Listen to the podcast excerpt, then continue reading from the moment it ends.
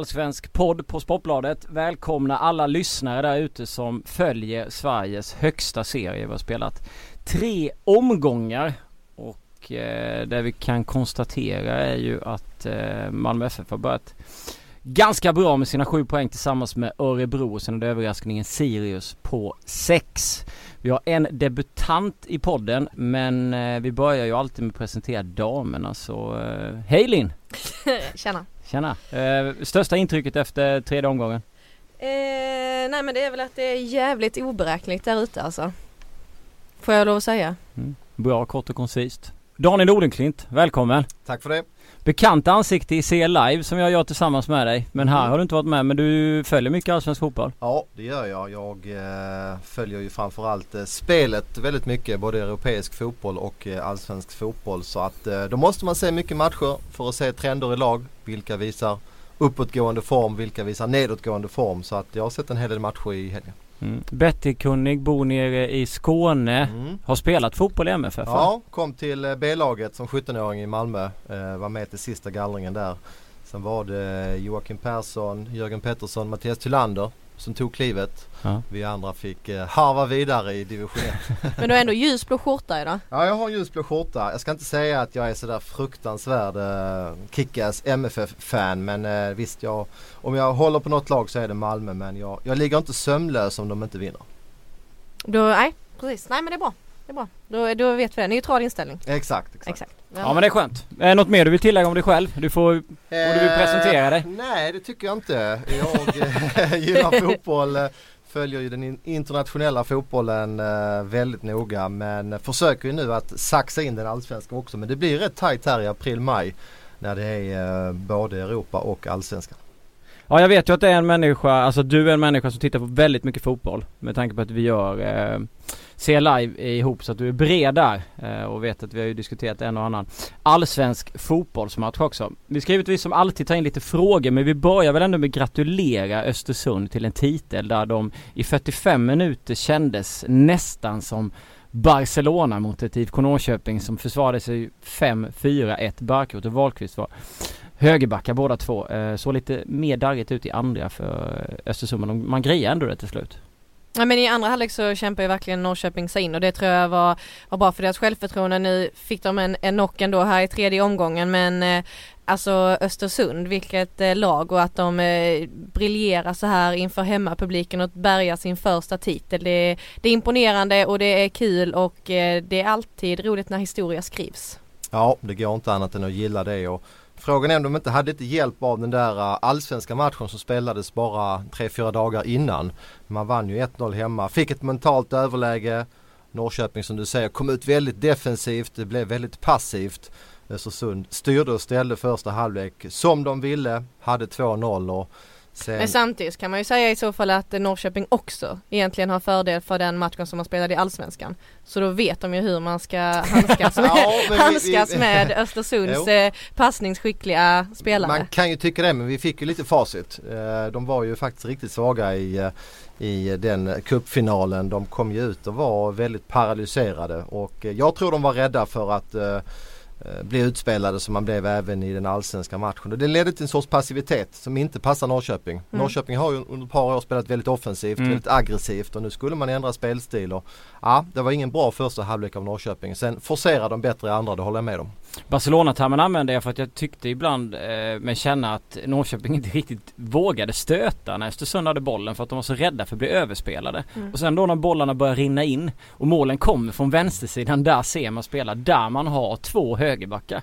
Så det måste ju verkligen varit ett extremt mentalt övertag i första halvlek. Ja, en av de två högerbackarna det var väl Bärkroth där. Ja. Och det är ju en spelare som jag definitivt eh, tycker är bäst offensivt. Alltså har mer offensiva kvaliteter än defensiva. Så där kan man säga att det blir lite systemfel. Om Mm. en sån spelare som Bärkroth hamnar då som en extra ytterback. Mm. Då eh, blev jag inte helt förvånad att man tappade defensiven. De var ju klart bättre i andra, både Wahlqvist och Barkroth. Wahlqvist missar straffsätter returen. Barkroth var som ett ånglok på högerkanten. Jag tycker att han gör sista 45, eller andra 45, det var ju, är ju bara två. Eh, så var han ju svinbra. Så är det ju. Vid 2-1 där så är det ju mycket Norrköping. Men de spelar ju också med hög risk då. De blottar sig och åker på kontringar till 4-1. Men det fanns ju faktiskt lägen. Det var väl en straffsituation också vid 2-1 va? Mm. Till Norrköping. Så det är klart 2-2 där och det kunde blivit ett annat mentalt läge i matchen. Det var Sebbe Andersson som gick omkull va? Eller om det var Kalle Nej Sebbe var det väl med Douglas Bergqvist om inte jag har helt fel. Nej men Jens Gustafsson har ju en utmaning nu i att eh, få in självförtroende igen i det här laget. Precis som ni säger, första halvlek så var de ju utspelade och var likadant nu mot Sirius så eh, var de inte heller med i första halvlek, kommer in efter eh, halvtidspausen och då är man lite lite bättre och sen får Sirius sitt mål och då faller man totalt som ett korthus. Mm. De har ju, deras mentala förmåga i detta nu är ju, är ju inte stark. De har ju tre raka förluster. Ja verkligen. Det känns som att de här kravställarna som jag ser, Sjölund och Andreas Johansson. Eh, det gäller ju verkligen att de är på den här nivån och fortfarande kan liksom pusha laget. Det känns som att de är så otroligt centrala i det här gänget. Uh, och det, jag vet, alltså det är klart de skapar ju massor med lägen mot Sirius. Mm. De kan ju lätt peta in 1-0 egentligen före. Så är det. De har eh, definitivt lägen till, till 1-0. Det är en ganska jämn första halvlek men som Linn var inne på, de kom ut som ett bättre lag i andra halvlek och normalt sett så får man utdelning där på de chanserna man skapar. Men eh, nej, 1-0 Sirius blev det och sen kunde Sirius spela på omställning. 2-0 kom ju på övertid. Mm. Ja det är, och eh, när 1-0 eh, kom det är ju ett eh, passivt försvarsspel. Mm. De har ju inte koll på var, vilken position de ska vara på. Det är ju eh, Telo och Smith som jag tror eh, inte har eh, koll på alls att Dogbo kommer där. Så det, jag vet inte riktigt hur de ska få ihop detta men de har ju uppenbarliga problem. Mm. Jobbig vecka för Smith där. Han var ju inblandad i en del mål även i kuppen. Mm. Uh, det är ju ingen försvarare jag håller speciellt högt så att ja, det är upp till bevis där. Talangfull spelare kommer jag ihåg när han kom fram där snackades mycket om honom. Uh, det mår ju Ken Sema i Östersund klart mycket bättre. Han, uh, han var väldigt fin. Men, i Norrköping är det är lite svårt att veta var de är på väg. De, vi har ju sett dem tidigare. De har ju kvaliteter men det, jag vet inte om, om det liksom kommer funka uh, med det här spelet. Alltså. För det första får man ju säga att Janne Andersson det är ju bevisat det är ju en väldigt bra tränare. Så det är klart redan där har man ju en förlust på tränarsidan. Sen får mm. man inte glömma bort heller att ta det anfallet de hade med Kujovic och Nyman. Mm. Det var ju hög allsvensk klass. Mm. Eh, Kalle Holmberg och Andersson, helt okej. Okay, men inte alls i samma nivå tycker jag. Så att eh, det finns ett par logiska förklaringar till att Norrköping borde vara sämre nu än de var när de tog sitt guld. Och det väntar en tuff match på söndag. Det är alltså Häcken borta. Mm. Eh, det är ingen lätt match så att eh, nej, Norrköping får verkligen verkligen lyfta sig om man ska klättra i tabellen. Men ska man ta med sig någonting så är det ju ändå att de, de var ju med i andra halvlek då i cupfinalen och de var med i första halvlek någorlunda och framförallt så hade de bra minuter i andra halvlek mot Sirius innan deras första mål kommer. Och sen är det det mentala som sätter skräck i dem och att man går ut i en cupfinal och inte vågar spela sitt spel utan att man backar hem direkt mot Östersund. Det tyder ju också på att man inte 100% känner att eh, spelet sitter. Men eh, Häcken är en svintuff match mm. så att det kan mycket väl bli fjärde raka förlusten. Ja, de hade nog kanske behövt ha kvar eh, Teki som drog till, till Belgien lite eh, ungdomlig talang som kunde blomma ut där eh, och hjälpa laget. Men eh, de fick ju bra med pengar. Äh, det ska bli intressant att se vad, vad Norrköping eh, tar vägen. Jag är inte riktigt säker. Jag trodde att man den här säsongen skulle kunna rulla på rätt bra. Till, det såg ju ut så inledningsvis mm, också. Till Sjölund och Andreas kanske liksom Och David Mubakar på ut på kanten. Ja precis. Uh, så att, ja, vi, vi, får se. Men alltså Sirius tar borta bra brukar man säga. Uh, men hemma bäst. Men här vinner de borta men de, uh, deras skitplan förstörde ju fullständigt. Ja, jag tycker det finns en ganska logisk förklaring och Sirius är ju ett väldigt passningsskickligt lag med svenska mått mätt. Mm. Och det är klart, möta Göteborg på den där skitplanen. Mm. Det, det, var ju som gjort för att det skulle gynna ett, ett mer tjongande, långspelande Göteborg. Sirius trivs bättre på bra underlag, trivs därmed bra på konstgräs. Så att eh, det ska bli intressant att se hur, om de ändrar spelsystem här nu mot Kalmar i nästa. Samtidigt som, vi kanske kommer in på det sen, möter kanske Kalmar i rätt läge, mm. har mycket skador så att eh, Ja, jag tror ändå att eh, Sirius borde ha en bra chans trots hemmaplan i nästa omgång. Men jag efterlyste ju i, i förra podden att det är inte läge den här säsongen för Sirius att bli fega så som man blev mot, visst var det Göteborg de mötte i förra omgången. Eh, men, och det var de inte heller i den här matchen. Här är de trygga i sitt passningsspel, man tar inte ledningen för sig typ 70 minuten, ändå blir man inte stressad. Eh, Kingsley Sarfo gör inte mål men han är extremt viktig och gör snygga passningar och är en, en nyckelspelare på sin roll även ifall han har extremt mycket markering på sig så får de inte fatt på honom. Mm. Så jag tycker att Sirius eh, Ja men gjorde det som jag tyckte att de saknade i, i förra matchen. Men har inte det med planen att göra? Jo absolut att det har med planen att göra och eh, att de nog litar på sitt eget spel så pass mycket så även ifall inte första målet kommer tidigt så vågar man ändå lyssna på liksom sin tränare och på det spelet man har byggt upp och till slut så kommer också målet. Så jag, jag tycker det var starkt av Sirius på, på flera olika sätt. 27 omgångar kvar men ändå känner jag, jag vet att det är konstigt att titta men vi gör ju det på kvällstidningar, att eh, Sirius Sirius känns så stabila så man, det känns nästan som att de håller sig kvar. Ja det känns så. Samtidigt ska man väl komma ihåg att ofta brukar ju just nykomlingar börja ja, lite bättre. Ja, mm. De har på något sätt förberett sig bättre på försäsongen. De är liksom lite mer taggade för den här försäsongen än de lagen som alltid spelar i Allsvenskan. Mm. Så de går på en lite högre nivå tycker jag i början. Så att, uh, vi kan väl höra om en månad igen så får vi se vart, vart Sirius tar vägen. Ändå kul att deras största eh, motståndare är deras egna hemmaplan. Mm. Ja det är ju otroligt komiskt. Vi det får de ha koll på. Att de, att de eventuellt skulle flytta till Gävle. Det har ju varit snack om det. Men de, de mår ju mycket, mycket bättre eh, känner jag än vad IFK Norrköping eh, mår för tillfället. Men sen så behöver man väl inte vara jätterädd för Peking ännu va? Nej Nej, det, det beror på. Var, var, var satte vi Peking innan, innan säsongen? Plats 4 till 6 eller? Ja. 3 till 6, 4 till 6 någonstans mm. där. Någonstans, så länge man inte pratar guldstrid för då tror jag de kan glömma det trodde jag inte på innan säsongen heller. Men Nej. pratar vi 4 till 6 någonstans då, då tror jag ändå att Norrköping eh, kliver upp och slutar någonstans i det häradet. Mm. Ja, Sirius långt ner. Det känns som att jag kommer få fel Men eh, ja, um, en annan spelare som verkligen skiner är ju Pavel Sibitski. mm. Vilken klass på målen eh, mot Halmstad. Ja. Vilken jävla match han gör ja. alltså. Sjukt eh, imponerad av det sättet som han kom och akklimatiserade sig i Malmö FF och vi innan eh, säsongen drog igång och hans intervjuer när han ska ta en plats i startelvan och man bara ja, ja det kan han ju tro och sen går han in och briljerar och är Malmö FF stora delar. Det är jag, jag vet inte, var ska detta sluta? Ja, jag ska erkänna, jag var inte helt övertygad om hans storhet. Visst, han hade en bra säsong i uh, Jönköping men han är ju liksom ingen talang längre för han är Nej. faktiskt 23 år. Men visst 10 mål i uh, Jönköping imponerar. Jag tror det var 5 assist också.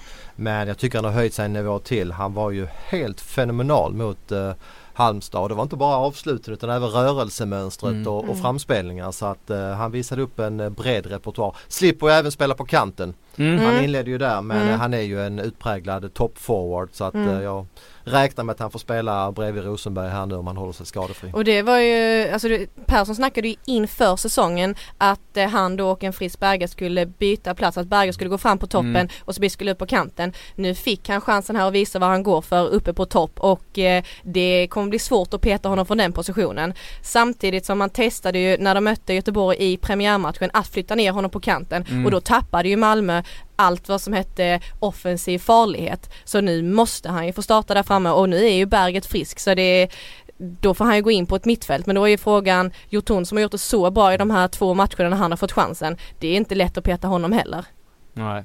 Nej, jag är, det är väl en cykelspark och sen är det en, jag kommer inte ihåg det andra Klackar målet. Eh, bollen till eh, Rosenberg va? Ja precis och sen ja. så är det ju 3-0 där en, ett skott som liksom går över målvakten. Väldigt snygg mm. bollbana. Sen finns det en bra sak till med Cibicki, vet ni vad? Att han har spelat i Malmö? uh, ja det vet jag. Nej men det är att Rosenberg har lånat hans fotinlägg. Uh, han hade ju problem med sina fötter Rosenberg och han sa ju inför uh, matchen här nu i veckan att eller inför Sundsvall sa han faktiskt att han hade tränat med Cibikis fotinlägg och det var första mm. gången han inte hade ont i sina fötter. Mm. Han väntade på ett par specialgjorda så att jag tror att han körde med Cibikis även där mot Halmstad så att han har både hjälpt sig själv Cibicki och även Rosenberg. Väldigt snyggt samspel. Man ser att, de, att det är två spelare som tycker om varandra. Ja, det är ju intressant med Rosenberg för att han har ju haft eh, lite längre spelare bredvid sig. Han, mm. han gillade ju att ha Tellin tidigare, Jeremejeff och nu har han en speedig Cibicki istället. Så att det är ju det är ju intressant att det funkar så pass bra.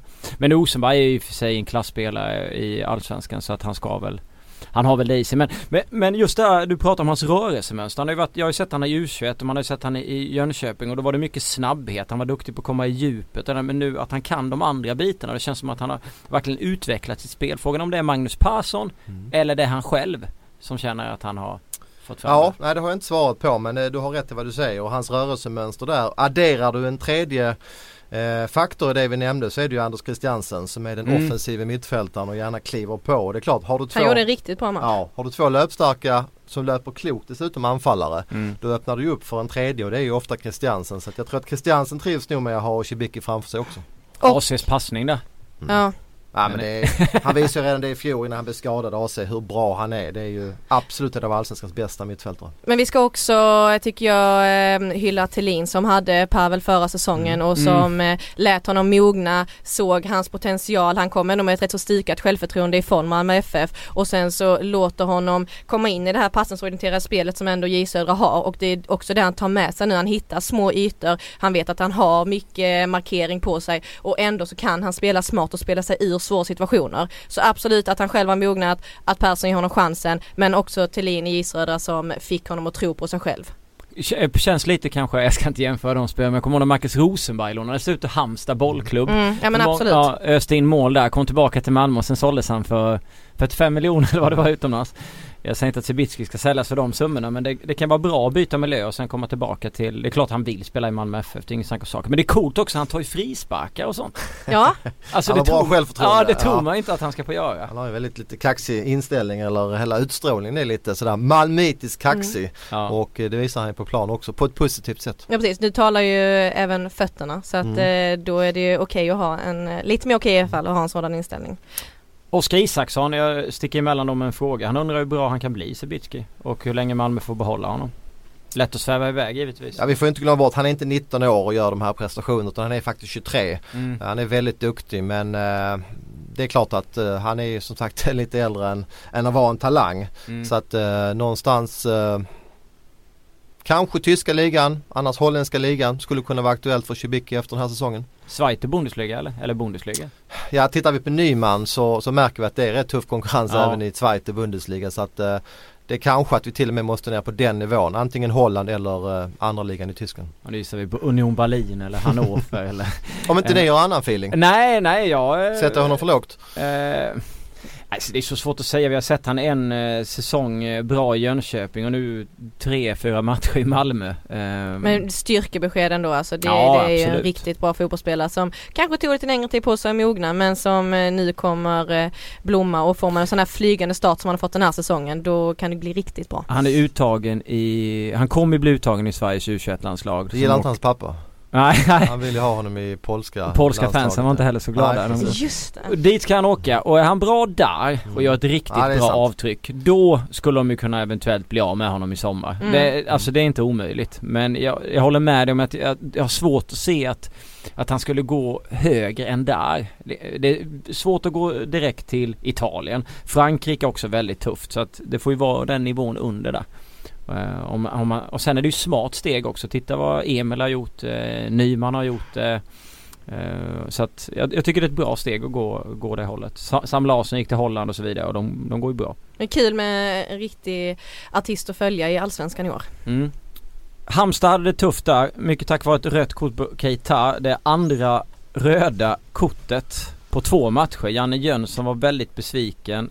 Uh, Keita tog på sig och sa att det var hans fel efteråt. Eh, Ja det, uh. det var ju ett eh, juniormisstag får man säga. Jag tror Keita är 19 år och vi får väl skylla på orutin för de spelar ju nästan jämt med Malmö i en halvtimme. Planen var inte alltför lättspelad. Vi vet att de låter det växa lite extra där på hemmaplan när de möter både Östersund och nu även Malmö. De vattnar inte planen innan heller. Det gnällde Malmöspelarna på efter matchen också men Spelmässigt så höll Halmstad bra eh, mot Malmö i 32 minuter innan den här horribla utvisningen. Den är ju på mitt plan och där mm. får man ju inte utsätta sig för sådana risker. Jag tycker nästan mer än bra. Jag tycker att eh, Halmstad ställer till rätt så mycket för Malmö. Men Christiansen gjorde en bra match. Lewicki tycker jag gör sin första match där jag kanske känner att han är på väg tillbaka till den nivån där han, där han var för två säsonger sedan. Eh, sen får man en en onödig utvisning men jag tror också att den kommer till följd av att man känner att man börjar få lite grepp om matchen och att man blir... Var eh, övertänd? Han, Är Keita övertag? Ja men absolut, Ja. absolut. Det, är ju, det händer ju också precis som vi pratade om tidigare nästan på mittplan och eh, det är ju ett bevis på att eh, det finns en övertändning när man går så hårt in när det egentligen inte ens är en farlig situation.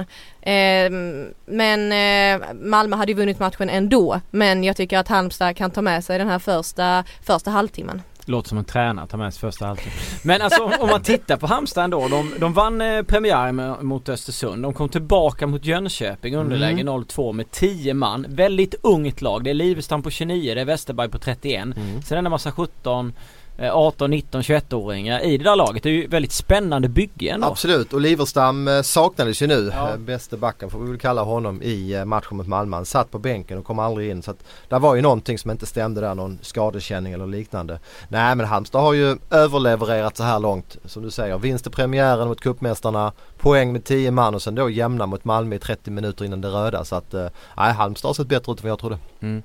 Sirius har vi pratat om att de har problem hemma. Ett lag som har extremt stora problem på hemmaplan. Uh, Guldfågeln har redan blivit en hönsgård rent ut sagt. Kalmar FF. Den tänkte du ut ja. Ja, de läcker något fruktansvärt på hemmaplan. Åtta insläppta på två matcher. Ja. Ja och då hade de alltså 1-0 ledning mot eh, Elfsborg en bra bit in i andra halvlek. Ja. Jag minns de hade läget i 2-0 också i den matchen. En straff de får 1-0 på va? Straff 1-0 en Ja. hands ja. Och sen har de halvläget till 2-0 och sen helt plötsligt står det 1-5 blir sönderkontrad av Elfsborg där. Och sen då som du säger 0-3 i halvtid mot Jönköping. Och då ska vi lägga in däremellan att de ledde mot Hammarby i 93 minuter. Det var tufft mentalt att få det målet emot sig där. Så att, eh, nej. Dessutom i Kalmar, Nanne Bergstrand sägs ju ha suttit på läktaren. Jag tror att Nanne, han är Det fanns ga- bildbevis. ganska sugen på att träna ett allsvenskt lag igen. Och han Eh, antecknade även ja. på de här Ska han jobba bort Jag vet inte om han knöt eh, handen i byxfickan där när de släppte in. Skämt åsido men eh, det finns ju anledning att tro att Nanne är intresserad av att träna Kalmar igen. Om inte nu under säsongen så kanske på sikt. Men Svärd var ju ifrågasatt redan under förra säsongen och med Ja. den här starten på hemmaplan så blir det ju inte så mycket lättare. Och Nej. dessutom inte när Nanne sitter på läktaren. Är det hans försäsongskörning? För de hade ju problem under våren förra året med Svärd och sen var de Mm. bra under, under hösten. Jag vet inte riktigt hur han lägger upp säsongen Peter Svärd. De var ju jättebra under hösten. Jag kommer ihåg eh, det var väl John Alvbåge som sa när de hade mött Kalmar, han hyllade ju Elm då, alla var ju i rullning och deras Mm. mittfält såg ju så bra ut. Men alltså nu är det ju Kan det bli en duo Svärd eller Nanne? Eller Nanne går in och sen så åker Svärd? Så, men det, under den här säsongen det känns som att då, då får det fortsätta i det här negativa spåret i några matcher, eh, några matcher till. Ja. Men det såg inte kul ut för, eh, för Kalmar, absolut inte. Och tunga skador också. Ja precis. Rasmus Elm haltade av efter en, eh, vad var det, en 20-25 minuter. Ja, men då låg de redan under med 2-0. Ja precis. Fick ju även en uh, hjärnskakning på Biskopovic. Inte för att Biskopovic var speciellt bra i matchen. Han var ju delaktig i framförallt 3-0 målet men... eh, Eller han var inte delaktig alls. Det var, Nej, det som, han var icke det, var det som var problemet. studsade över honom och han tittade på. Eh, Han hade inte den bra lätt den här matchen alltså. Sirius Kalmar för mig som jobbar med spel och försöker analy- analysera sannolikheter. Den matchen är klurig. Som vi sa, Sirius då missgynnade av dålig plan på hemmaplan. Ja. Samtidigt Kalmar då väldigt eh, mycket skador och eh, Elm borta. Den eh, matchen tål sin analys. Mm. Tror det ska mycket till för att Kalmar ska studsa tillbaka. Det borde vara fördel Sirius där trots Mm. underlaget som är minus. Men bra match av av J Södra. Ska vi faktiskt lägga till Igen? det? Ja, Jag exakt, såg, exakt. För backa bandet där, jag såg dem redan i premiären där mot Örebro och det var ju en felaktig straff där. eh, Ja skojar du? Ja, Exakt. Och spelmässigt var de alltså väl så bra som Örebro. Till och med så att Jönköping på poäng var det bättre laget om man nu hade räknat så i fotboll vid ställningen 1-1. Så att eh, nej, Jönköping eh, har också eh, överpresterat med tanke då på att Cibicki 10 mål saknas. Och då fick ju hans eh, tänkta ersättare isländska Williamson göra sitt eh, första allsvenska mål.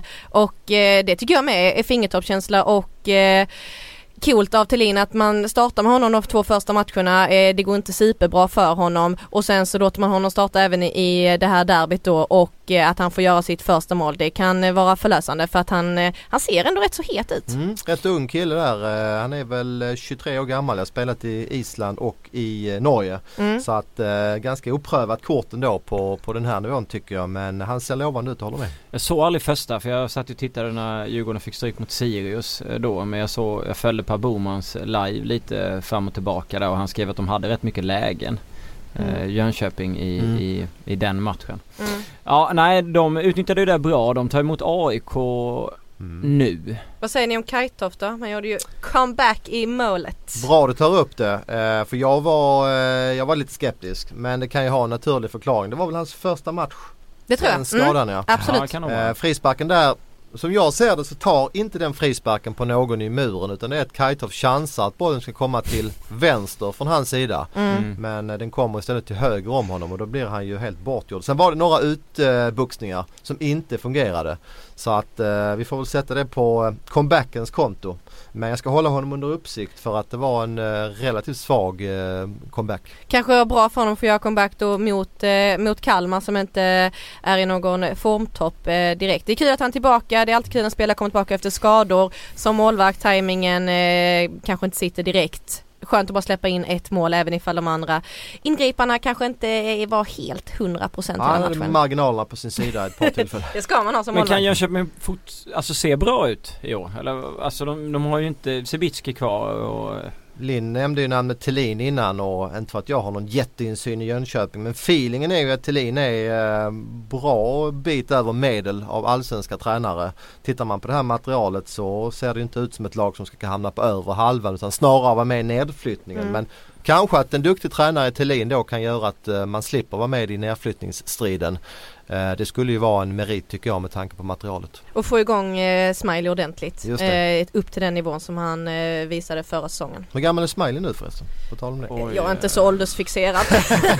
Ja men det känns som att han varit med länge. Vi Han är måste- 31. 31, ja, Ja. men då, då är han ju på en rimlig nivå fortfarande. Det är inget som behöver plana ut rent fysiskt. Jag håller med, Smiley är ju den, den bästa spelaren, Ja, men han är spelaren. viktig att, få igång, viktigt, eh, viktigt ankare i det här laget.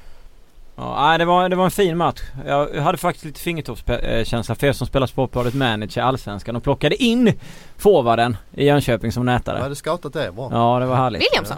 Ja, Oj, bra. Från uh, breda blick va? ja precis. Japp. Så eh, det blev, eh, det blev eh, bra betalt. Man sitter ju alltid och fegar med Cibicki också och Moses Ogbu så att det var en kanonomgång. Men och att Cibicki är inlagd som eh, mittfältare Ja. i, i vårt system så man får ju riktigt mycket poäng för Okej. honom när han gör mål. Bra, kunde vi göra Och reklam för- Berget som anfallare då eller? Omvänt? Ja det vet jag inte, jag har inte Jo Inge. Bra, han, vi fick Han är göra lite reklam Jag för är ju en, eh, en, stor fantast av Berget för övrigt. Vad tycker Ja. du de ska sätta in honom någonstans då? Ja med tanke på hur Sibicki Rosenberg fungerar så finns det ju bara en yttermittfältsplats. Men eh, det är ju som du säger, han kan ju spela på båda kanterna tycker jag, eh, Berget. Eh, när man ser honom live så förstår man hur viktig han är. Jäklar vad han sliter Berget och, och skapar även målchanser framåt. Jag, eh, jag är en stor fan av Berget. Jag har eh, all respekt för Jotun och Rakip som är yttermittfältare i Malmö idag. Men någon av de två kommer att få sitta på bänken när Berget är i form. Mm. Karl Magnusson frågar hur ska MFF göra, göra med Jo Inge? Släppa dem i sommar eller vem petas? Ja men det får bli Rakip som petas och jag tror inte att Jotun eh, petas och centralt så gjorde ju Lewicki och Christiansen det eh, bra eh, här nu så eh, då blir det väl Rakip som, eh, som ryker. Ja och en Rakip som länge har gnällt på för lite speltid i Ja, Malmö. mm. Sen, kan, sen kan ju Rakip även spela centralt och eh, vi vet ju att under säsong så kommer det skador. Får du en skada på Lewicki eller på eh, Christiansen så kan ju Rakip även slå som de eh, positionerna. Så Mm. att eh, ja det blir spännande att följa men som sagt Berget är en av mina absoluta favoriter i Allsvenskan. Har svårt att se att Rakip stannar kvar länge till om Ja, han, men jag tror med det, att det- Berge stannar men att eh, men om eh, Rakip sätts på bänken så tror jag att, jag, att han är den som lämnar i sommar. Jag trodde att de skulle skicka Jo- Jotun eller Konat tidigare också. Ja. Ja. Jotun hängde ju väldigt lös som vänsterback Mm. i och med att Ja. han inte kan försvara. Han är Mm. ju inte skolad i försvarsspel men eh, funkar ju bättre då som mittfältare. Eh, lite grann att han kan ju göra ett misstag som mittfältare utan att han blir eh, sågad. Det finns ju en back bakom honom då men eh, som back så är han väldigt, eh, väldigt sårbar. Men också bra av, eh, av Persson att se det i Jotun som ändå Mm. haft, eh, som hade det svårt förra säsongen att få speltid men som nu är då eh, Men han var väl uppe lite på mittfältet förra året med? Var han Ja inte vid något tillfälle var han. De har ju en enorm konkurrens in med både Safari och Konate. Det var vid skador kanske, Mm. snodde att han var Ja. där uppe då. Eh, Nej men han är ju skolad i Sporting Cristal eh, Paris så att det är ju full fart. Så De det kör inte försvarsspel i 90 minuter där på Nej det gör de inte. Det är bara ner till sidlinjen och skicka in Ja. inläggen var det inga konstigheter. Så att eh, ja, Nej det, det, är väl inte så konstigt att de kanske testar honom där men, men det... Sjukt att ha Berget och Eikrem på bänken. Det kan ja, man inte ha. Verkligen. Eikrem har vi också en uh, potentialare. Vann ju assistligan i fjol mm. och har ja, inte kanten. Fått... Och sen ja. har vi Tobias Sana då ja. som fick starta. Alltså det är många... Jag har ju personligen svårt för Sana. Jag tycker att han är alldeles för fladdrig som fotbollsspelare. Uh, kan duga mot lite enklare motstånd men jag ser inte Sana som någon uh, startspelare till exempel i ett uh, Champions League-kval. Och det är på den nivån Malmö måste ju coacha laget nu för att, för att vara bra här i augusti när det går igång med Champions League. Så att uh, för min del så, så duger inte Sanna i en startuppställning i Malmö. Han är kanske nu ut nummer ett på det mittfältet eller? Ja, jag vet inte exakt hur eh, kontraktssituationen ser ut men det är klart att Sanna i, i den ålder han är, han är ju inte heller en talang längre, Nej. behöver speltid. Så att eh, det är mycket möjligt att han är intresserad av att lämna om han nu inte får speltid, vilket jag inte tror han får. Och tufft för honom med startplats mot IFK Göteborg i premiärmatchen, mm. bli utbytt tidigt, eh, sönder. armbågar sönder plexiglaset och nu är man bänkad. Yes. Det är ingen drömstart. Nej, verkligen inte. Malmö FF möter Djurgården, Djurgården som vann. Djurgården som eh, knockade Elfsborg på hemmaplan. Det var två eh, mål på, på fem minuter. Min gode granne Engvall tryckte in 1-0 efter två minuter. Ja, vi bor på samma gata. Mm. Och sen har vi Merabti som nickar in. Ehm, och eh, Elfsborg, eh, ja Antingen så struntade de i försvarsspel eller så hängde de helt enkelt inte med. De vet inte hur de ska göra? Nej alltså det försvarsspelet där på de två situationerna jag känner lite att det är obalans på det mittfältet som de ställde upp. Att det är för offensivt balanserat? Ja. Mm. Men, ja, jag började mm. hålla med. Det är väl Dyer och Olsson där centralt. Men eh, det är ju inga sådär superbollvinnare utan det är ju Nej. kreativa fotbollsspelare även det. Och sen då offensiva kanter. Eh, Lundvall och Gustafsson och så då Jebali och Frick på topp. Frick gick väl sönder dock. Prodell mm. fick hoppa in. Sprang rätt in i Jonas Olsson några gånger. och sen Frick han bara kör ju. Han alltså, känns helt, helt stenhård. Helt alltså. galen spring. Alltså, eh, och när det står liksom eh, ett, eh, ett stort Mount Everest framför sig i, i Jonas Olsson så är det inte så jävla skönt alla gånger. Men men om vi tittar då, de har Lasse Nilsson, Jesper Karlsson, Emi Bayrami, Viktor Podell, ah. Jörgen Horn, Jesper Mans på bänken. Mm. Alltså hur har de, har de tänkt att de ska spela ut alla lag då? De behöver inte kriga om bollen. Alltså om man tittar på, på truppen. Ja det är en bra iakttagelse och jag vill även skjuta in en sak till och det är Haglunds, eh, man säger lilla presskonferensen efter. Då han istället för att vara liksom väldigt besviken och säga att vi var inte med i matchen från början, det här måste vi ändra på. Så liksom lite snällt sådär att vi spelar ju ändå okej okay. och hade vi gjort 2-1 hade det blivit en annan match. Lite grann som att spelarna kommer undan med det här dåliga inställningen från start. Och mm. Jag tycker det har präglat Hey there, it's Michelle Norris. I'm host of a podcast called Your Mama's Kitchen. When I travel, I'm usually looking for a way to find a taste of home when I'm not at home. And one of the things I love to do when I am at home is entertain. And Airbnb allows me to do that. When I was in California recently, I rented a house that had a great kitchen. And when we were sitting around the table, we we're all thinking, we're in someone else's house. Someone could be in all of our homes as well. If you have a home, but you're not always at home, you have an Airbnb. Your home might be worth more than you think. Find out how much at airbnb.com slash host. Elfsborg under Haglund att det är ingen riktig vinnarmentalitet sen han kom tillbaka. Jag vet att han har vunnit SM-guld mm. med dem tidigare men jag skulle nog vilja se en lite mer uh, Eh, lite tuffare ledarskap där att man inte tillåter de här uh, mjuka insatserna som Elfsborg ofta gör under en säsong. Och som sagt de ligger under med 2-0 efter, vad är det, fem minuter mot Djurgården. Det får ju inte hända och det måste man sätta mycket på tränaren och inställningen för uh, det var verkligen skorna utanför planen när matchen drog igång. Mm. Han har vunnit ett SM-guld va? Eller är det fler? Han vann ju ett. Är det två? Är det ett eller två som Haglund tränade? Det låter jag vara osagt. Minst ett i alla fall. Ja. Man fick ju också en extremt flygande start mot Kalmar. Då visste man inte heller hur, hur eh, ostabila Kalmar var bakåt. Nej. Men eh, efter det så har det ju inte sett eh, roligt ut och markeringen 3-0 eh, där när eh, Magnus Eriksson kommer och eh, Jon Jönsson och Joakim Nilsson eh, inte har koll på att det, det helt plötsligt kommer en Djurgårdsspelare bakom deras ryggar. Så kan man inte ha det. Alltså det, det är ju inte hållbart. Han vann ett SM-guld 2006 med ett riktigt bra lag. Mm. Han hade, sen försökte han flera gånger till, sen lämnade han, gick till Norge Lilleström och, och då klev Lennartsson in och tog guld direkt. Det hade varit lite ju diskussioner om. Så känslan av ett guld var helt rätt. Och om man tittat då, han har ju tränat laget i, vad är det, 8-9 år va? Och det har varit ett rätt bra lag. Mm. Det har varit ett An- Anders Svensson har varit där. Mm. Eh, eh, Claesson har varit där. De har haft Rodén. Eh, Som har, har ju haft eh, rätt bra spelare. Och de har Per Frick nu eh, och de har Lundevall som jag ändå tycker Mm. försöker. Men de får ju inte till det defensivt och två sådana mål efter ja, knappa 10 minuter. Sen är det ju svårt att komma tillbaka när man inte känner att formen är där. Men de vinner på torsdag. Vilka möter de? Ja, de möter De Örebro möter då. Örebro hemma. Och för mig som jobbar en hel del med spel, jag, jag tror att Elfsborg som vi kallar lite grann studsar tillbaka. Att man kommer med en, eh, en bättre prestation efter den här floppen mot Djurgården. Och Örebro är inte lika bra som poängen visar. Man hade tur som vann mot Jönköping hemma. En felaktig straff där, spelade inte speciellt bra. Fick med sig en poäng i slutminuten mot Eskilstuna. Sen mötte man ju Östersund i rätt läge sist. För det var ju bara tre dagar efter cupfinalen. Mm. Mm. Och självklart så har Östersund både mentalt och fysiskt laddat ur batterierna. ja. Mm. Åka till Örebro två och en halv dag senare, det är inte så kul. Och Örebro vann ju den matchen på att man var mer motiverade. Så att eh, jag tycker att Elfsborg, trots floppen mot Djurgården, är ett klart bättre lag än eh, Örebro. Jag tror man vinner den matchen imorgon. Mm. Det tror jag också. Örebro där, Lorentzon gjorde det bra. Han eh, plockade ju bort eh, Sema bra och sen så eh, och Moa tycker jag är rätt. Han är väl, han, jag tycker han är positiv i Örebro. Yttern där. Ja, truppen är, truppen är begränsad. Jag tappat Ja den är det men det är viktigaste några som har gjort lite positiva grejer och Moa var ju bra mot eh, AFC. Han kom på kanten, gjorde sin gubbe, hade ett mentalt övertag där. Hade han som är målet, första målet. Och jag tycker att han är rätt kraftfull, bra eh, fotbollsspelare. Han är, var inte han i Östersund tidigare? Tror jag.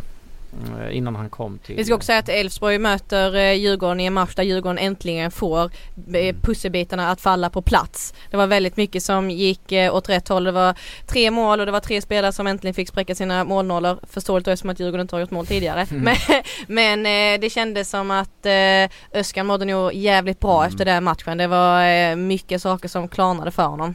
historiskt sett så kan ju ganska ofta, jag har ingen statistik på det, men rätt ofta ser man ju lag som kanske börjar säsongen dåligt och det gjorde ju verkligen Djurgården. 0-2 Mm. hemma mot Sirius, man var jättehypade. Man hade köpt in flera rutinerade spelare. Eh, De skulle bara vinna den matchen. Många snackade om att det här kommer inte att funka med Öskan. Men vad har hänt efter det? Väldigt bra prestation borta mot Häcken Mm. och sen så den här urladdningen mot Elfsborg. Så att det, det kan vara någonting som lyfter Djurgården. Att man fick den här käftsmällen redan i premiären. Mm. Att nu finns det liksom bara, ja nu, nu kan man blicka framåt. Nu, nu har man vänt det här negativa och fått mental tändning av det. Så att eh, Djurgården kommer nog att bli riktigt farliga i år. Jag tror inte att de hotar Malmö. Malmö tar guld, det är jag helt övertygad om. Men 2, 3, 4 där ser jag Djurgården faktiskt. Kim pratade om det där. Att eh, en tidig smäll Mm. kan sammansvetsa laget. Han har ju en mängd med landskamper. Mm. Och han har Jonas Olsson som en karaktärsspelare. Han har Isaksson där med och sen finns det en del talang och lite eh, Mange Eriksson och, och annat. Så att det är klart att eh, när, man, när, man får, när, man, när de får det att funka. Kim såg ju riktigt bra Han har ju sett kanon ut. Han Men Kim ju, ska ju vara bredvid Walker. Alltså det är ju, Ja. kommer bli riktigt, riktigt han, bra när han drar den vänsterbollen rakt in på ett. Alltså det är ju passningar bara rakt Ja. in. Han dunkar in dem. Så att Den på volley. Ja, Mm, det, det är ju inget snack. Det snyggt. ser bra ut. Sen, sen har jag så svårt, jag har så svårt att förstå. Vi pratade om Haglund innan. Han, han kommer till och ska möta Djurgården borta. Han har sett Djurgården förlora mot Sirius när de spelade med Rabti och Kim ensamma på mitten. Just det. Och då har Djurgården stärkt upp sitt lag med att plocka in Walker Mm. centralt och han kommer dit istället med ett defensivt Mm. svagt mittfält och får sig en jättelektion. Mm. Och jag, jag undrar varför han inte kunde tänka på det innan han åkte dit. Sen är det klart att det finns kanske inte, jag vet inte, ska Jörgen Horn in och spela där då? Nej det har väl kanske med materialet att göra som du säger. Men det är han som har byggt laget å hans Ja, sida. så- nej men det, det, du är inne på rätt spår där, eller på en intressant sak där att frågan är vem som är liksom vattenbäraren då på, Mm. På defensiva mittfältet i Elfsborg. Man skulle kanske behöva en lite mer fysisk, någon fulare, tuffare Mm. spelare än de tekniska man har. Mm. Vad hette han eh, mittbacken som spelade där för, för många år sedan som alltid var stenhård? Tystnaden som uppstår när Mm. Jönsson letar efter ett namn där bak i Elfsborgs backlinje. Ja, jag ska fundera på den. Han lirade ju där i många år och det small rätt bra mot Göteborg, kommer jag ihåg. Um, Ehm, Hauger eller? Nej, innan dess. Hauger var ju en rätt bra balansmittfältare. Ja, det var han ju. Absolut, det håller jag med dig. Nej, Helt klart. Ja, vi går vidare. Jag ska fundera på det där så länge. Ja, just det. Vi, vi måste ändå känna eh, Örebro där. Mm. Eh, du sa att de är... Ja, de har fått för mycket poäng sett Ja, till... de är eh, inte så här bra. Nej det, det Det vägrar, tror inte jag. vägrar jag att tro. Eh, Sen Ja. har de ju en väldigt duktig eh, tränare i Axén tycker jag. Ja. Som ju kan sluta en grupp eh, på ett eh, fantastiskt bra sätt när man hör intervjuer med spelare. Men tittar du på materialet i Örebro, ser du på deras matcher, de har fått för mycket poäng så här långt. Andreas Augustsson. Andreas Augustsson, du han har jag spelat mycket med. Han smäller väl på bra? Ja, han är också från Skåne. Eh, Andreas Augustsson, han var ju oftast mittback. Kunde Ja. ju spela mittfältare igen men han var ju stenhård. Ja, jag säger det. Intressant för han var teknisk när han var ung. Ja. Jag ska, du ska säga jag är ju född 74, han är ju 70, tror Andreas är 76 eller 77. 76 är han. Han tränade ofta med oss. eh, och, och Du fick mycket stryk där. Ja men han hängde med, ja, men han var en teknisk spelare på den sidan. Ja, okej. Hans pappa är Bosse Augustsson. Det var ju han som Ah. förde in det här som kallas vän med bollen till Sverige. Det var ett, ett, eh, en holländsk fotbollsfilosofi Ja. där man tränade med varsin boll och gjorde tekniska Ja. övningar. Om det, Ja. det är kanske före din tid. Nej men det kommer jag ihåg. Jag var med i upp, Ja, men- upp, ja. uppvisningar med det jag. eh, Andreas Augustsson och jag- hans bror Johan. Och jag- Jakob, tre bröder. Jag är ju född tidigt 80 så jag känner igen han vem med bollen. Nej men då var det ju, han var ju, han var ju hård. Mm.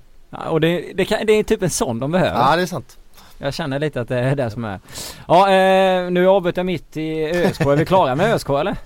Ja, jag är klar. Ja, Jag har Ja. inte heller så mycket mer att tillägga. Jag blir helt chockad av den här historielektionen. Eh, jag känner mig Ja. disorienterad och jag kollar på typ Lattjo Lajban den här tiden. Men, Ja. nej, men det är alltid roligt att lära sig saker.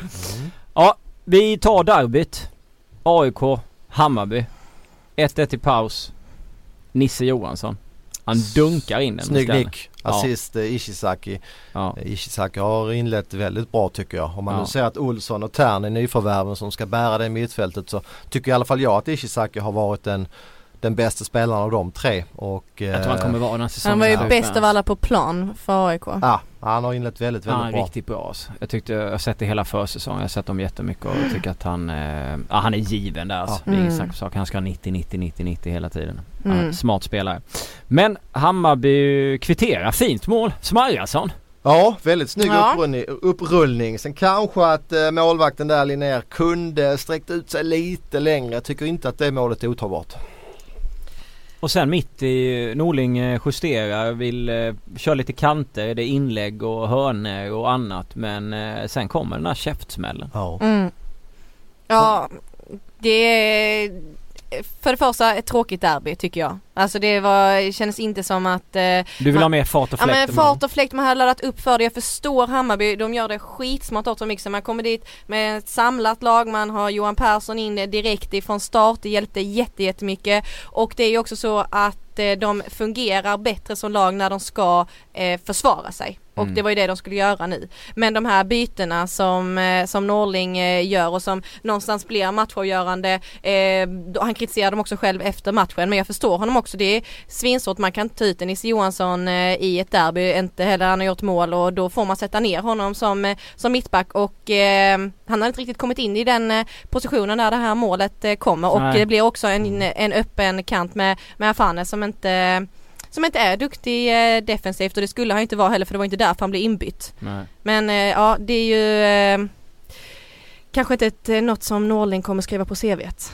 Det var intressant att se. Det var ju första matchen med Mikkelsen där som vi verkligen fick eh, Mm. se på hans eh, taktiska förmåga. Han har ju goda vitsord där från Sönderjysk i Danmark. Och, det är ju en klyscha men lite grann en taktisk seger får man ju säga att det här är till tränaren. För han Mm, ställer, ut, verkligen. Det ställer är väl laget. bara en tackningsseger. Ja, det var väl ändå 11 spelare som kanske Ah. var lite delaktiga men, eh, men De eh, ta- taktiken satte han. Han Ja. bromsade AIKs fart, han fick AIK rulla mycket sidled och sen kom de med ganska bra omställningar och som sagt tre poäng eh, det ska Hammarby vara nöjda Ja, med för att eh, det var väldigt mycket boll för AIK. Även om de inte skapade mycket chanser.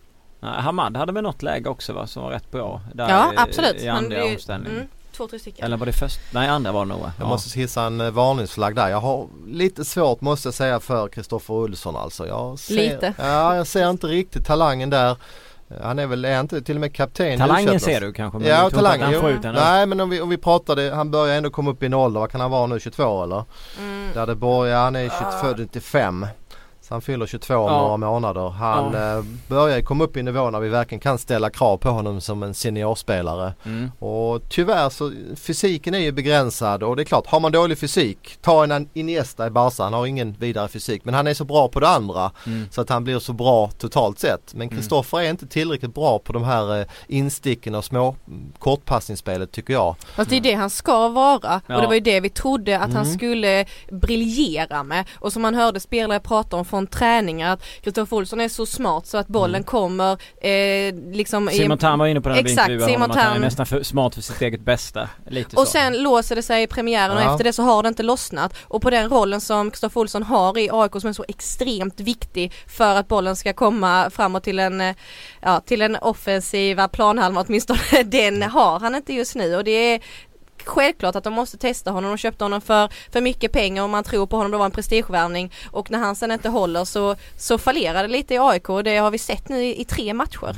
Jag tyckte väl så, så bättre ut mot Elfsborg måste jag väl säga. Eh... Men då tog han ju steg tillbaka nu igen. Ja men eh, det var, han såg bättre ut där men det kanske har också att göra med att eh, de kör ju det där mittfältet och Elfsborg har inget grismittfält som, Nej, som Häcken lite har. Mer tid där, så då får han lite ja. mer tid och då ser det lite mer bättre ut. Men jag har ju varit inne på att han borde kliva upp ett steg och Ishizaki borde kliva ner ett Okej steg. du vill byta den? Men jag vet ja. inte hur det skulle kunna se ut. Jag vet att det är som svaja i kyrkan för det är inte det som är mm. meningen. Men då kanske han skulle kunna in, han blir inte utsatt i, i, eh, han blir inte riktigt utsatt på det sättet som den som spelar bort bollen precis framför backlinjen och det kanske gör att han, han får lite mer lugn. Jag, jag vet inte.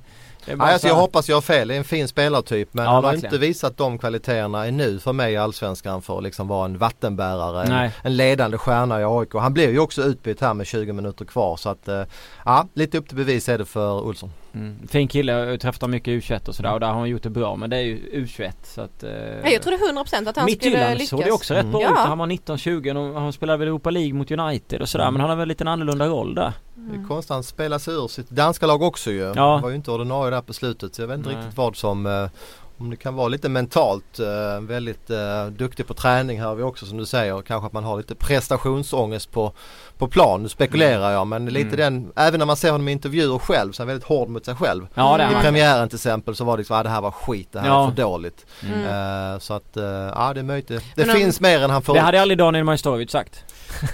ja, det är någon annan. Nej men om vi säger Eller kanske att, att Öskan fick ett lugn och fick svar efter mm. Djurgårdens seger den här omgången så tror jag att Norling sitter med och kliar sig lite i huvudet efter det här derbyt för att det måste förändra saker men frågan är vad som ska förändras. Man har Kirpich på topp som man inte har sett på tre matcher. Det är nästan så att AIK är tio man på plan ibland. Mm. Och vad ska man då sätta in där uppe istället? Ja en Markkanen det är inte så stor skillnad. Och vad ska man, man spel, man vet att man har ett 3-5-2. Det visste man från början. Man hade pengar, man kunde värvat vad som helst eh, som skulle passa in i det här systemet. Och ändå säger vi här nu efter tre omgångar och frågar hur, vad de ska göra för förändringar till den fjärde omgången. Jag, jag tycker det är jättemärkligt. Jag tycker väl att de kan kasta in Markkanen tidigare. Jag tycker ändå han eh, Varför gör lite, de inte på det? lite lösa bollar klipper mm. till, han skjuter ju på mycket och han har ju gjort en han del. Han får åtminstone röra bollen. Han, ja, alltså, exakt. Man kan inte säga att att Kirpich inte får bollar längre för då måste man springa på de ytorna där bollen också kan komma. Ja. Och inte göra sig osynlig. Nej, det... Alltså vi pratade i senaste podden, då var ju inte du med Daniel, men vi pratade om en maktkamp i Hammarby. Eh, mm. där Mikkelsen valde att byta ut eh, Kennedy tidigt mot eh, Kalmar. Blir det mm. väl? Matchen Just det, var det ja, Kalmar ledde. Exakt, och det mm. var mycket snack och han vill ta över och han vill ändra och så här. Här köpte han sig enormt mycket mm. tid genom den, en derbyvinst. Och det är inget snack om saken att det är han som han ska styra och få göra det han vill för att det känns som att han Nu har han Nu har han fått allting på mm. sin sida ja, Han köpte sig mycket förtroendekapital Ja verkligen mm. På tal om Kennedy där så var det väl ett uttalande om att bäst före datumet hade gått ut Som ju naturligtvis gav lite eko Ja men han eh. startade ändå med honom och Kennedy var ja. inte Kennedy var inte dum i det Nej jag tyckte inte att när man såg den intervjun i ett sammanhang så var det inte heller att han Nej, rubriken var ju tagen lite Rubriken var ju tagen, han lindade ja. in det väldigt klokt tycker jag mm. att Kennedy var en duktig spelare och har varit länge och mm. Jag tycker också att Kennedy, det, det ser ju många att det går långsammare och mm. långsammare så jag tyckte det var ett helt okej uttalande. Ja. Ja men det är precis som jag sa innan också att Hammarby fungerar bättre när man ska försvara sig, när man ska så här, dra ner på spelet och då håller fortfarande Kennedy och till exempel då när han har Johan Persson bredvid sig så blir det en bättre balans. Så Mm. absolut att eh, Mickelson har förstärkt sina aktier och det har även Kennedy gjort. Intressant spaning där. Hammarby har alltså Sundsvall hemma i nästa. Apropå Mm. det du är inne på. Nu visar man att man kan försvara sig, man kan spela tight, man kan spela på kontring. Men mot Kalmar, då var det väldigt eh, idéfattigt anfallsspel. Samma sak nu. Nu är man ju stora favoriter hemma mot Sundsvall och då är det ju upp till bevis att man även hanterar det spelet som favorit. När man ska bli lite mer porösa. Ja, Sundsvall eh, läcker ju lite. De, alltså de hade jobbet mot Malmö. Eh, sen gör ju, Farnud gör ju ett jättemål eh, Mm. uppe i Sundsvall där. Och sen är det väl Kamara som gör andra. Det är väl lite inspel från kant. Kommer inte ihåg exakt hur det ser ut. Men man släpper ju en del mål. Ja precis, nej men det, det, det kan vara tacksamt för Hammarby att möta Sundsvall men det, det blir ändå intressant Ja, att det se blir det, för ja. att man måste ju ändra, ändra både laguppställning inte och låsa upp, taktik. klarar de inte låsa upp det här Nej. då, då eh, får man ju ifrågasätta hans eh, Precis. offensiva tankar. Linus Alenius eh, kommer tillbaka. Linus Mm. startade. Ja men han är ju tillbaka nu mot Hammarby. Förmodligen kanske får starta. Blev, Men, men, eh, blev väl pappa där i premiären va? Ja. Missade den och sen Mm. startade han eh, senast som du säger, spelade Mm. 65 minuter. mm. men att Häcken vinner mot Sundsvall är väl inga konstigheter? Nej, vi ser ju bra mycket mer kvalitet i Häcken. Jag tyckte det var intressant där med Häcken om vi tittade på deras anfallsfyra. Så var det ju Kamara på topp och sen där bakom måste jag säga att de har en riktigt fin trea. Med Nasiru Mohammed, Alexander Farnerud och Paulinho. Det är tre sköna spelare med allsvenska mått mätt. Ja verkligen. De, eh, nej men de är spännande. Tycker Erik Friberg också gjort jävligt bra. På tal om Elfsborg. Abubakar eller Erik Friberg. Är det inte en sån spelare vi söker i Elfsborgs uh, mittfält? Jo. Mm. Verkligen. In med Falsetas annars. Mm. Men det är bara liksom Men Erik Friberg var också en sån spelare som Häcken verkligen behövde som kan ta det defensiva Mm. ansvaret men även eh, kan gå fram med, med bollen. Så att han var ju eh, passade som handen i handsken i det laget. Det är inte så långt mellan eh, Borås och Göteborg så det kanske Nej men som du säger, eh. Häckens trupp där har du eh, Abubakari, du har Friberg och du har Falsetas. Mm. Och sen har du Rasmus Lindgren också som ja, skulle som kunna kan kliva upp ja. Nu gick ju Jasmin Suddic sönder så att nu får han spela mittback men han, Mm. skulle, han gjorde ju det mot AIK borta så Ja. klev han ju upp och spelade centralt så att Där har de ju verkligen byggt plus att de har den här fina offensiven. Mm. Så att det, Häcken är verkligen ett... Men eh, Faneröds skott, det var verkligen som att han var riktigt jävla trött på den här Häcken-nollan som eh, hade stått sig i, i två matcher. Så ja. att han bara drog till och eh, det var ett riktigt snyggt mål. Ja, vad bra krut i den alltså. Sen då eh, IFK Göteborg. Vi tjatade mycket om Hussein. Hussein kliver in och gör 1-0. Björdal är ju trevlig där när han bara kliver över och struntar i bollen. Jag tycker att Mm. norrmannen har varit rätt pigg faktiskt. Underskattade de där Mm. när första anfallaren kliver över bollen. Ja. Det blir ofta kalabalik och Mm. Hussein läste det rätt och ja det var ju tomt mål kan man säga. Ja. Men det var ju mycket tack vare Husseins löpning själv. Han försatte sig i en bra position. Om Björdal gjorde det bra och Hussein gjorde det bra så gjorde Emil Salomonsson det riktigt dåligt. Vad menar du? Nej men alltså När man spelar fotboll, det vet ju typ alla att när man springer runt på planen Det vet jag själv när jag spelat och då spelar jag på väldigt låg nivå, division 5 Då skriker man ju oftast till den som kommer där en touch för att han ska skicka Ja. ut den, det ska bli inkast och kan samla laget Istället så ska han ta ner den på bröstet Ja. Och så åker de på ett Han låter väl och bollen Mm. studsa först? Studsa en Och gång, kolla på den länge. Och Ja. det är en dödssynd att som mittback låta bollen studsa. För den studsen är väldigt farlig för en mittback. Som du säger, där Men du måste, menar sista man? Som sista man, Ja, där ja. måste du kliva framåt och skicka den framåt. För Ja, att när väl den bollen studsar då räcker det med en liten, liten felstuds för att du ska hamna i obalans. Och det blev det ju också här nu. Vilken Ja. skräck han hade i sina ögon när han såg att bollen gick över honom. Sen har han kanske lite otur för att är det frispark där? jag tänkte säga, komma till det att jag tror att i alla fall varannan domare blåser till försvarande lag i det läget. Men eh, han sätter sig själv i situationen. Exakt, han ska inte ens hamna i Nej. den situationen Nej. där. Så Han att får då får han för skylla, det. ja, får han skylla sig själv lite. Det hade ju varit eh, fantastiskt för honom själv om domaren hade blåst Men jag tycker att det är lite, det är 50-50 där va? Ja men Ja. det känns som att det är 50-50. Varannan domare blåser, varannan Ja. friar.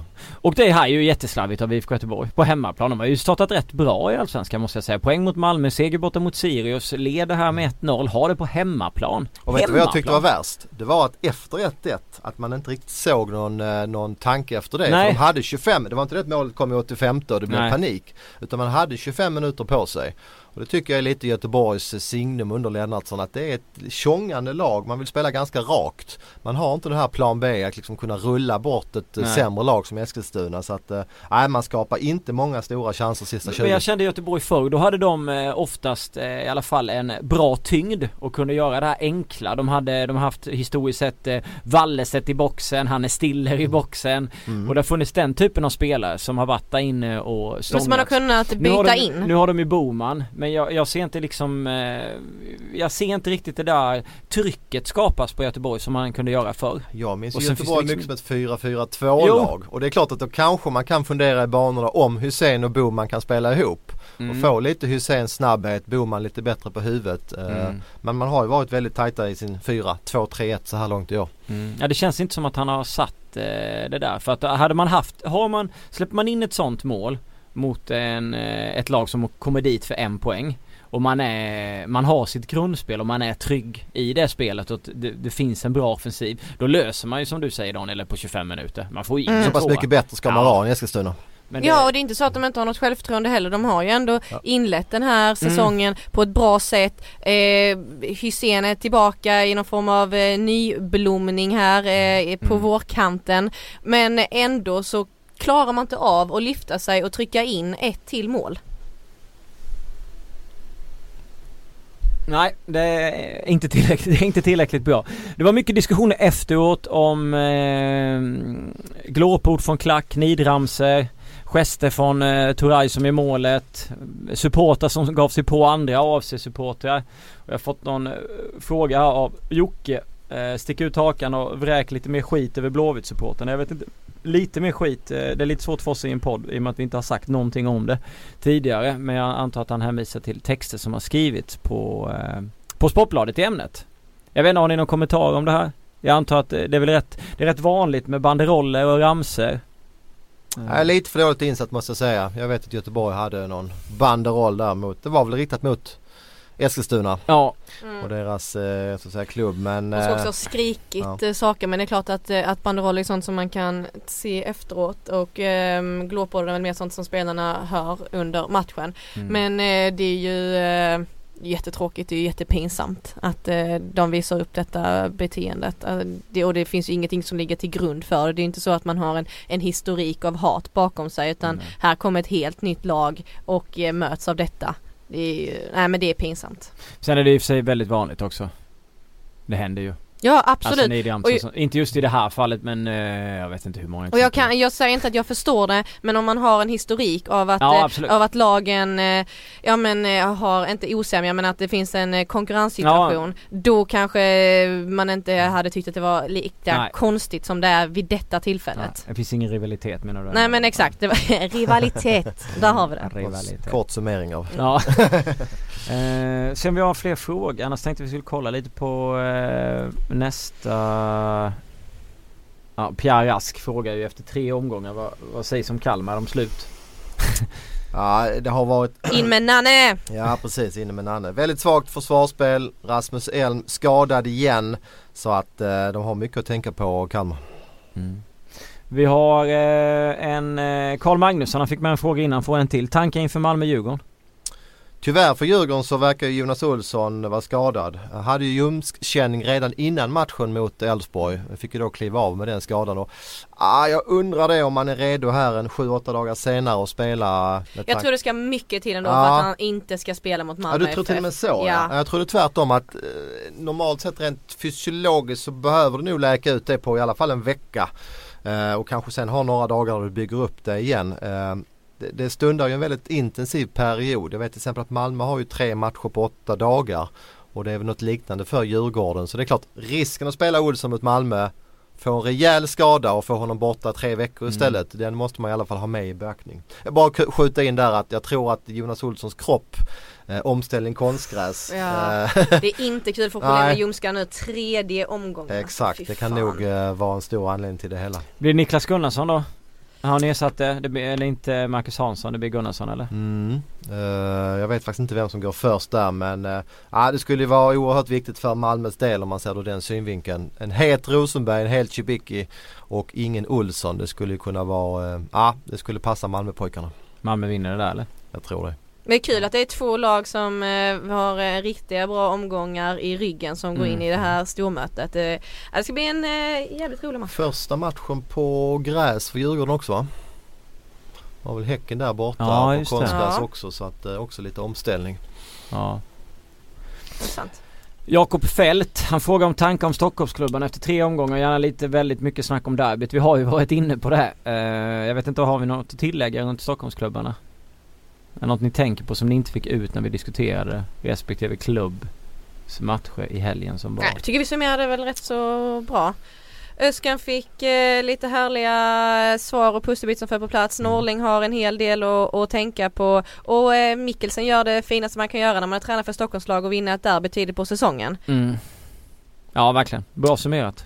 Ja och AIK då efter den där uh, imponerande segern borta mot Elfsborg. De vinner ju aldrig där borta så blev det ju en studs tillbaka då. Uh, Åt fel håll för det. fel håll ja och det du var inne på innan Kirpic där är ju Ska man peka på en sak så är det ju faktiskt Kirpic. Eh, han har ju verkligen varit blek bredvid Goitom så att eh, vi får se om han verkligen får starta nästa match. Det skulle eh, inte förvåna mig om en Markkanen kliver in från start. Mm. Torsdag eh, börjar nästa omgång. Det är eh, halv sju Elfsborg-Örebro. Alltså imorgon är det ju. Jag sitter Mm. och pratar. Är det onsdag idag? Ja, det är onsdag idag. Elfsborg vinner den fotbollsmatchen. Ja jag tror de har bra chans i alla fall. Eh, jag ser mycket mer kvalitet i Elfsborg än i Örebro. Tankar i Jönköping-AIK? Svår match framförallt för AIK. Kommer efter en urladdning i derbyt, möter ett Jönköping som har tagit mer, tagit mer poäng än vad man egentligen kan begära. Så att AIK har mycket att förlora där. Fördel mentalt för Jönköping. Ja det tror jag också att eh, det kommer bli eh, tufft för eh, AIK om inte Norling har ett eh, S i rockärmen som vi inte vet om här. Men eh, det blir en rolig match också. Malmö har ju varit inne på det, den största favoriten oddsmässigt i den här Mm. omgången. Den näst största favoriten är Hammarby Ja, hemma det. mot Sundsvall. Mycket det, beroende på att Sundsvall är svaga. Inte Ja. för att Hammarby är speciellt bra va. Eh, som sagt upp till bevis för Hammarby att föra spelet. Mm. De skapar inte speciellt mycket mot Kalmar. Och då ska vi tänka på att Kalmar släppte in fem mål och tre mål. Och matchen däremellan så släppte de bara in ett mot Hammarby och Mm. det var ju i 93. Det är ju, är matchen i matchen Padibba mot sin gamla klubb. Ja Och det var väl inte de Hallenius sin bästa, ja Padibba där var väl inte de bästa vibbarna heller va? När han lämnade. Det var, sades väl lite hårda ord tyckte jag i pressen efter det. Mm. Ja, nej men eh, Släkten är vast. Han känns väl inte jättehård den kampen men nej det finns mycket annat man vill, man vill titta på. Sen har vi då Häcken mot IFK Norrköping. Där vill man ha svar på rätt mycket olika saker. Kan Norrköping göra mer än en hyfsat bra halvlek? Och hur bra är Häckens defensiv där ja. igen? Ja det känns som fördel Häcken där alltså. Jag tycker att de eh, Ja. Har något på gång eh, Häcken måste jag säga med den där sköna balansen på både defensiva och offensiva mittfältare. Mm. Emil Salomonsson ska upp till Östersund och möta Ken Sema på eh, den kanten. Hur du det går? Ja men nu har han väl lärt sig av sitt eh, juniormisstag eh, får man väl hoppas men jag tror ändå att de får det, får det tufft där uppe. Jag tror att Östersund har mått bra av en veckas vila här nu. De var inte mentalt redo efter cupfinalen mot Örebro. Men nu har de en veckas uppladdning och vi får se ett bättre Östersund igen. Mm, Jag tror vi får se ett bättre Emil med. Eller en bättre Emil. Sympatisk kille. det är Väldigt, svårt väldigt eh, att göra åtminstone det beslutet sämre. Ja, Mm. jag tycker det- synd om han i det, i det läget att han gör det. Han har ju, det känns som att han har velat spela i landslaget och bli proffs och Ja. sådär med och det där förbättrar inte hans möjlighet. Så Men hade Göteborg också vunnit den matchen så hade de ju fått en riktigt bra inledning Mm. på den här säsongen. Mm. Eh, så att det var, nej det var jävligt synd. Sen ska man inte beskylla Emil Samuelsson nej, nej, för, absolut hela, inte. för det. Men eh, just eh, den enskilda insatsen var inte så bra. Nej, han brukar, han har ju skjutit en del, han tar straffar och grejer så han har skjutit en del poäng till dem Mm. tidigare. Han är ju offensivt eh, duktig, absolut. Sen har vi då AFC mot Halmstad. Känns som att det kan bli ett galet målkalas. Eh, ett AFC som kör hemma mot ett ungt Halmstad som definitivt är ute efter revansch eh, efter den smällen. Ja, det är jättesvårt att luta åt något håll här. Ja, viktiga poäng. Det är ju två Mm. lag som vi definitivt tror kommer att vara med i nedflyttningsstriden. Så att det är ju verkligen en sådär redan en om man får säga det en sexpoängsmatch. Det är ju jobbigt att förlora tre poäng mot en bottenkonkurrent där. Jag tror på, eh, på Halmstad. Jag gillade det jag såg eh, första halvtimmen där innan de fick eh, utvisningen. Omar där eh, måste börja göra mål känner jag AFC. Ja, Han, han sa ju att han skulle trycka in en och annan. Vad var det han sa? Jag kommer inte ihåg hur många poäng det var om det var 15 eller något sånt där. Mm. Ja, 15-20 slängde, slängde han iväg. Ja. Det är inte Han- illa i ett bottenlag. Nej, men han, jag tycker att han har varit eh, Alltså han har haft positiva glimtar särskilt mot Örebro. Tyckte Mm. han visade sina fötter. Men jag trodde han skulle ta mer Svår match ansvar. mot Göteborg, Jag trodde att han givetvis. skulle gå in mer eh, och eh, vara en form av eh, ankare och eh, bollfördelare. Men han har mer att visa. Mm. Ja, han kanske han får möjligheten för mot Göteborg borta så tror jag inte Pelle vågar låta honom springa runt och Nej det ska han ju inte heller Nej. göra. De spelar ju taktiskt bra också. Ja, eh, absolut. Mm. Men, eh, nej men jag tror på Halmstad. Malmö vinner mot Djurgården enligt Daniel. Håller du med honom eller? Malmö. Har han sagt det? Ja, du sa det innan du tror att de tar det. Om Olsson missar. Ja. Jag tror att eh, Malmö kommer vinna ja. ja. Vägen tillbaka och om Olsson är borta då är det ju fördel Malmö. Så det blir väldigt intressant att se Malmös eh, startelva. Mm. Ja, verkligen. Och sen då har vi eh, Sirius mot Kalmar. Ja, på den där potatisåkern. Mm. Men som ja, det sagt, står mycket, studenternas på hemsidan så jag antar att de spelar på det studenten. verkar som att de eh, kommer att spela. Det har ju snackats om Gävle som du var inne på men eh, vad jag har förstått så spelar man på den riktiga hemmaplanen. Ehm, jag tror att Sirius och Kim Bergstrand är så pass smarta så att de spelar lite rakare än man gjorde mot Göteborg. Mm. Släpper vissa av de här kortpassningarna och eh, då borde väl ändå Sirius kunna slå Kalmar. Kalmar ser riktigt svag ut. Mm. Men Vi får se då om Nanne får kliva in och, och ta över ta över klubben. Intressant ändå att han är där och tittar men han bor väl i Han har inte så mycket annat att göra Nej. heller. Alltså, Nej. och han bor där, ja. Saknar ni honom? Ja, jag saknar honom. Jag tycker att Nanne har en eh, någon sorts gubbig skön pondus. Mm. Hans uttalande tycker jag hör hemma i Allsvenskan så att eh, jag vill inte svärda något ont men jag ser gärna Nanne Bergstrand som tränare i Kalmar till sommaren. Men jag tycker att, eh, att Mikkelsen gör det riktigt bra i Hammarby. Det är inte där Mm. jag saknar Nanne. Jag skulle kunna se Nanne i ett Nej, annat lag. Men jag saknar inte honom som tränare för Hammarby. Du vill ha honom i Kalmar? Mm. Kalmar. hemmaplan? Kalmar. Ja, då har vi rullat över timmen. Eh, tack så du ha Daniel för det fint eh, det, debutavsnitt. Var det det? Ja, Tre stjärnor? Fyra? fyra. Stjärnor också. Vi är Ja, sportbladet men, jobbar vi med ja, det är plus. plus, ja. Plus är det Ja. alltid. Okej, får klippa bort det. Ja, nej det kommer med. Eh, Linn kan få fyra plus då. Tack så jättemycket. Tack så jättemycket. Tack så mycket för att ni har lyssnat. Vi ses nästa vecka, eller hörs nästa vecka. Hej då.